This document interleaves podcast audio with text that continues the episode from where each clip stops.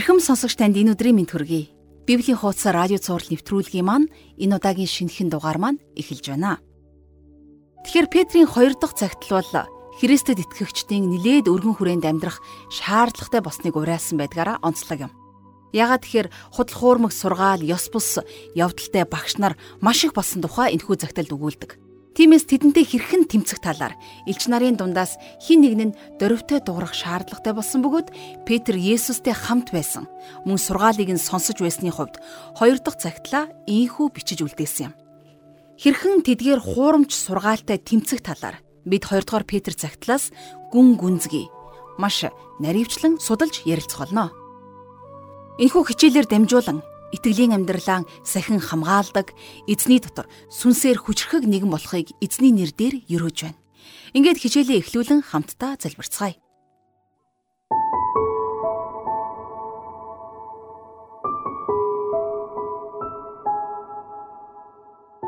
Бурхан эзэн минь, таньда энэ цагийн төлөө талархаж байна. Энэ өдөр та бидэнд үгээ өгч, бид таны үгийг судалж, таныг улам илүүгээр таньж мэдхийг хүсэж байна. Та бидэнд Есүс Христэд итгэх тэр үн цэнтэй итгэлийг өгсөнд таньдаа талархаж байна. Бид энэхүү итгэл дээрээ суйрлагдан Есүс Христийг мэдэх мэдлэг дотор улам илүү сүндэрлэн босгод та туслаач. Есүс Христийг таньж мэдэх тэрхүү мэдлэгийг ямар чухал болохыг та энэ цагт бидэнд ойлгуулан ухааруулж өгөөрэй. Таны үгтэй ойр байх тэрхүү чин хүслийг бидний дотор суулгаж өгөөрэй. Та өөрийн ариун сүнсээрээ энэ цагийг удирдаач. Бүх зүйлийг танд өргөж, эзэн Есүсийн нэрээр залбирanгуйж байна. Амен. Ингээд хамтдаа жаргалах шийчээлд анхаарлаа хандуулъя. За 2 дугаар Петр номын судлалынхаа өнөөдрийн хичээлийг хамтдаа 1-р бүлгийнхээ 5-аас 7 дугаар ишлэлээр эхлүүлье.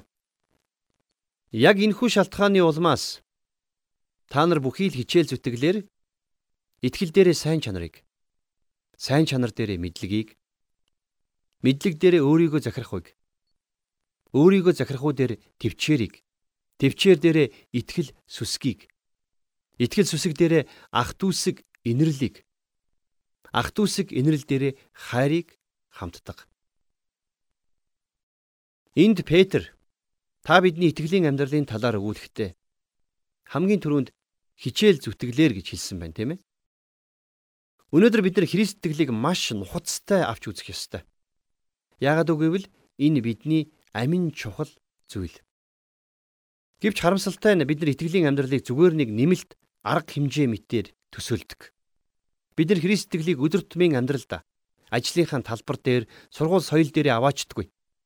Харин эсвэргээрээ ням гараг бүр цэвэрхэн хувцалж цуглаанд очичход энийг итгэлийн амьдралаар амьдарч байна гэж эндүрдэг. Харин Петр бидэнд юу гэж хэлж гэнэ үг гэхээр бид нар итгэлийнхэн амьдралдаа хичээл зүтгэлтэй байх ёстой гэдгийг сануулсан байна. Петр энд та бидэнд итгэл дээрээ нэмэх ёстой бурханлаг чанаруудыг ар ардаас нь цувруулан хэлсэн байна. За эдгээр чанаруудыг бид нар тус тусад нь салгаж ойлгох боломжгүй. Эдгээр чанарууд нь өөр хоорондоо нягт холбоотой. За нөгөө талаасаа эдгээр нь зэрэгцүүлээд өрөөд тавьсан даалуунууд ч биш. Эсвэл нэг нэгэн дээр нь давхарлан өрссөн тоосгонууд ч биш. Петрийн нэгдүгээр загтал дээр Петр биднийг сүнслэг барилга болохоор сүндэрлэж байгаа амьд чулуунууд гэж хэлсэн байдаг тийм ээ. А ингэхдээ Петр итгэгчдийг амьд чулуу гэж онцлон хэлсэн байна. Итгэлийн амьдрал гэдэг бол өсөх үйл явц юм аа. Тийм ч учраас Петрийн 2 дугаар загтал дээр хамгийн сүүлчийн ишлэл дээр Петр бидний эзэн бөгөөд аврагч Есүс Христийн нэгүсэл болон мэдлэг дотор өсөх төөн гэж уриалж загтлаа өндөрлсөн байна. Тэгэхээр энийг бид нэр ургаж байгаа модтой зөөрлөж болно л доо. Өчүүхэн жижигхэн үрнээс авраг том мод ургадаг шүү дээ. За мод яаж ургадгийг бол та мэднэ. Анх ургаж эхэлж байхдаа ямар ч мод нарийнхан туйхан байдаг. Харин хэсэг хугацаа хэдэн жил өнгөрөхөд өсч томрон сүүлдээ олон давхар байшингаас ч өндөр болон сүндэрлдэг. А тэгвэл итгэлийн амьдрал яг энэтэй адилхан. Хэрвээ та бид нар ургаж байгаа модыг харах юм бол тэнд хоёр янзын үйл явц өрнөж байдаг. Амьд мод ургаж томордог. Харин үгсэн мод хатаж хорчийдаг. А тэгвэл яг энэнтэй адилхан та бидний итгэлийн амьдралд ч гэсэн бас энэ хоёр үйл явцын аль нэг нь өрнөж байдгаа гэсэн үг. Хэрвээ та үнэхээр Бурхны хүүгэд болсон бол өсөх ёстой.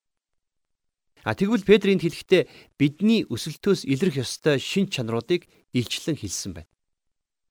Саваа шиг нарийнхан байсан мод нэг л мэдхэд авраг том мод болон ургадаг шиг.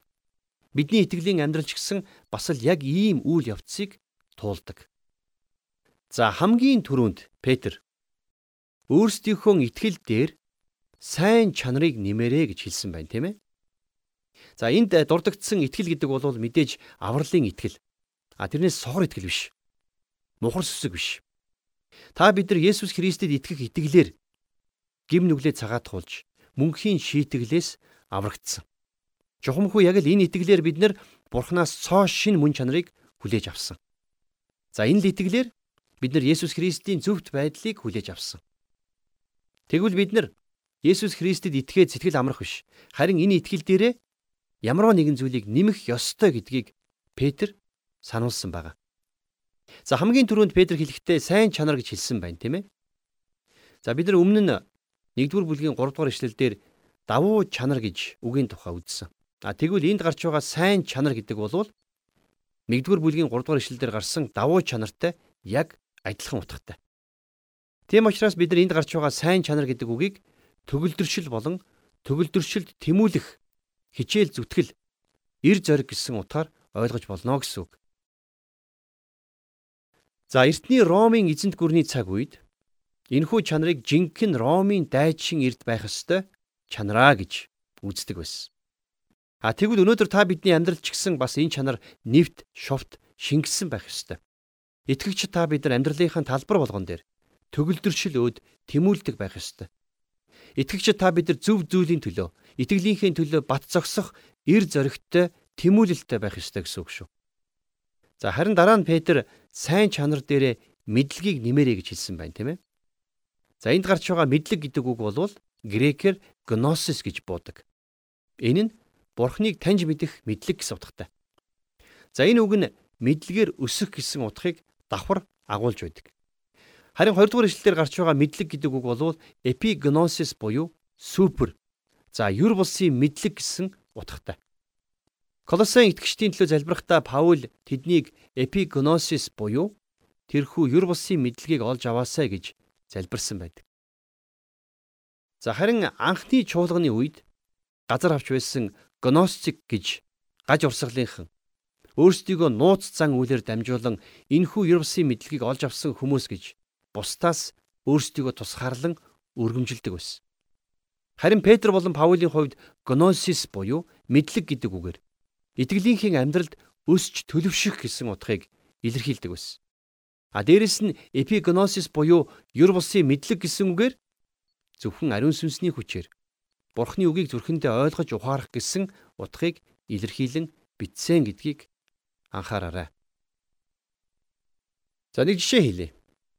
Хэрвээ 200 хүн суудагчсан Улаанбаатар руу нисж байгаа онгоцны Ахмад дотоод радиогоор зорчигчдоо бид одоо Улаанбаатарт ойртон ирж байх шиг байна.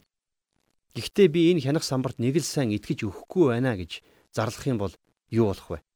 Хэрвээ та ийм онгоцонд сууж байгаа бол том асуудал оржээ гэсэн үг тийм ээ. А гэхдээ мэдээж онгоцны нисгэгч онгоцныхоо заалтанд бүрэн итгэлтэй байдаг.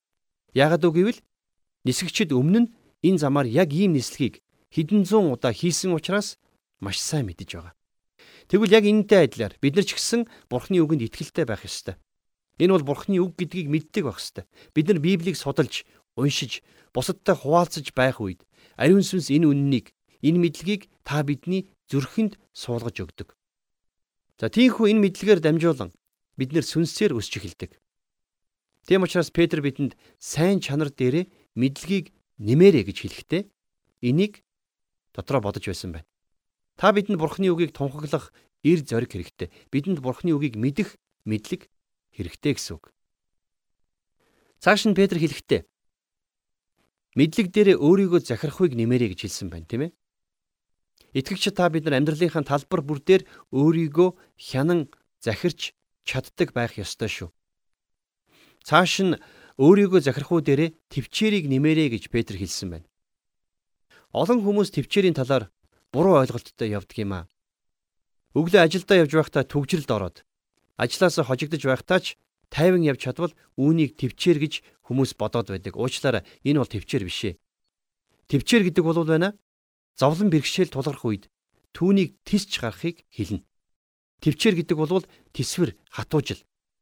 Тэгэхээр итгэгчид та бид нар итгэлийн амьдралд яг л мод ургаж томрох шиг итгэл дээрээ эр зоргийг, дараа нь мэдлэгийг, дараа нь өөрийгөө захирахыг, дараа нь төвчээрийг нэмэх ёстой байх нь. Петр дараа нь хэлэхдээ төвчээр дээрээ итгэл сүсгийг нэмэрэй гэсэн байна, тийм ээ. Тэгэхээр энд гарч байгаа итгэл сүсэг гэдэг үгийг өөрөөр бурханлаг байдал гэж орчуулж болно. За энэ хүү үгийн утга нь бол маш энгийн. Ерөөсөө л бурхан шиг байна гэсэн. Нэгэнд та бид нар бурханд итгэж, бурханы гэр бүлийн гишүүд болсон юм бол бурхан эцэг шигээл байх хэрэгтэй. Мэдээж бид нар бурхан шиг болж чадахгүй. А гэхдээ бид нар бурхан шиг болохын тулд тэмүүлж амьдрах ёстой гэсэн. Энэ бол бурханд итгэж бурхнаас бурхан чанарыг хүлээн авсан итгэгч нэг болгоны дотор байх ёстой хүсэл тэмүүлэл. Эрэгтэй хүүхэд бүр баг байхдаа аав шигэ байхыг хүсдэг тийм ээ. Тэдний хувьд аав нь хамгийн мундаг баатар нь байдаг. Харамсалтай цаг нь болоход аав гэдэг баатар маань баатрын байр сууриа алддаг. А тэгвэл итгэж та бидний хувьд бурхан эцэг маань бидний бахархан дуурайх баатар мөн. А гэхдээ бурхан хизээч бидний итгэлийг алдахгүй. Тэр хизээч бидний урмыг хугалахгүй. Тэр бол бидний бурхан. Бидний хүндлэл, магтаалык авах зохистой бурхан. За нөгөө талаас энд гарч байгаа итгэл сүсэг гэдэг үг бол үнэн хүндлэл мөрөглийг илэрхийлж байна. Та бид нар бурхан эзнээ үннээр хүндлэн дээдэлж амьдрах учиртай. За тэгээд дараа нь Петр бидэнд итгэл сүсэг дээрээ ах дүүсэг инэрлийг хамтдгаарай гэж хэлсэн байна. За энийг ах дүүсэг хайр гэж орчуулах юм бол илүү оновчтой бууж байна. Та бид нар итгэгч ах дүүсээ хайрладаг байх ёстой. Итгэгч бид нар бие бинийгээ шүүж, бие биенийхээ талаар ховжив ярих биш. Харин ч бие биенээ илүүгээр хайрлаж инэрдэг байх ёстой. Итгэлийн ах дүү нар өөр хоорондоо хайр дүүрэн харилцаатай байх шиг сайхан зүйл гэж байдгүй маа. За ингээд эцэст нь Петр бидэнд ах дүүсэг инэрэл дээрээ хайрыг хамтдгаарай гэж загсан байна. Өмнө нь бид нар ах дүүсийг инэрл буюу ах дүүсийг хайрын тухай авч үзсэн. Энэ бол итгэгчдэд хандсан хайр. Харин одоо энэ хэсэгт гарч байгаа хайр бол үл итгэгчдэд хандсан хайр юм. Өөрөөр хэлэх юм бол итгэгчид бид нар итгэдэггүй хүмүүсийг ч гэсэн хайрладаг байх ёстой гэсэн үг. Бурхан тэднийг хайрладаг шиг бид ч гэсэн бас хайрлах ёстой.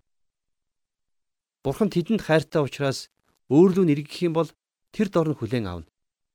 Гэхдээ бурхан гим нүглийг үзен яддаг учраас зөвхт шудрах шүүгч учраас хэрвээ тэд бурхан руу ирэхгүй бол бурхан хэдий тэднийг хайрладагч гэсэн гим нүглийнх нь улмаас шударгаар шүүх болно. А гэхдээ мэдээж та бидний хувьд итгэдэггүй хүмүүсийг хайрлж байна гэд тэдэнтэй дундаа орж тэдэнтэй адил гим нүгэл үлдэж тэдэнтэй адилхан амьдралаар амьдрын гэсэн үг биш ээ. Харин ч эсэргээрээ тэднийг гим нүглээс нь эргүүлж сайн мэдээг хилж өгч Тэднийг бурхан дээр авчирснараа бид тэднийг хайрлах хайраа харуулж байгаа хэрэг юм шүү. Хамтдаа эргэн тойронд байгаа итгэдэггүй ахын дүүсээ хайрлая. Энэ хайраа тэдэнд сайн мэдээг тарааж харуулцгаая.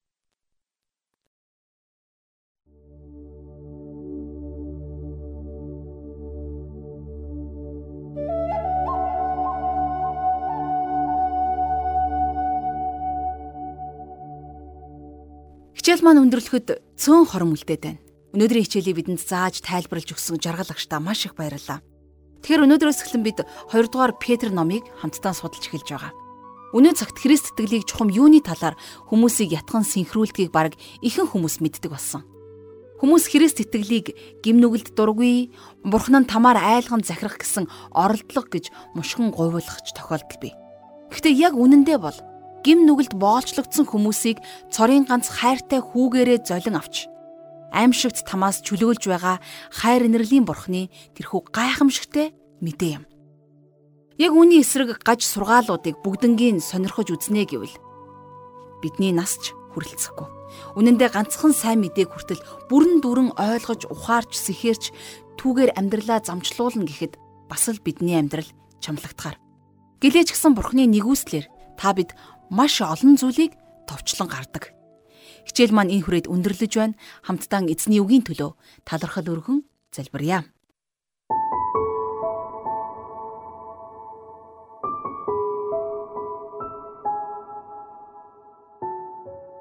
Бурхан эцэг минь таньдаа баярлалаа. Үнэхээр та биднийг өөрийнхөө үгээр дахин төрүүлж, Иесус Христийн зөвхт байдлаар хувцлаж, өөрийн хүүхдүүд болгон гэр бүлдээ багтаасан учраас баярлалаа. Таньда бүх талархал магтаалыг өргөн залбирч байна. Иесус Христээс үн цэнтэй итгэлийг хүлээн авсан бид. Иесус Христийг таньж мэдэх тэрхүү мэдлэг дотроо улам илүү өсгөд та бидэнд тусалж өгөөрэй.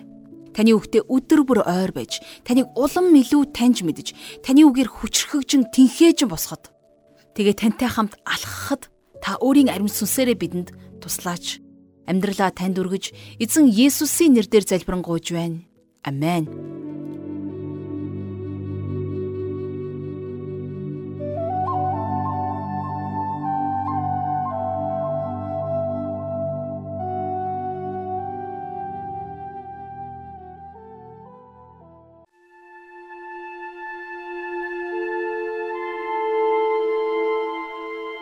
Библийн боловсрол олгох, Библийн хуудасаар нэвтрүүлэг танд хүрэлээ. Нэвтрүүлэгтэй холбоотой санал хүсэлтээ 8085 99 тэгтэг дугаард ирүүлээрэй.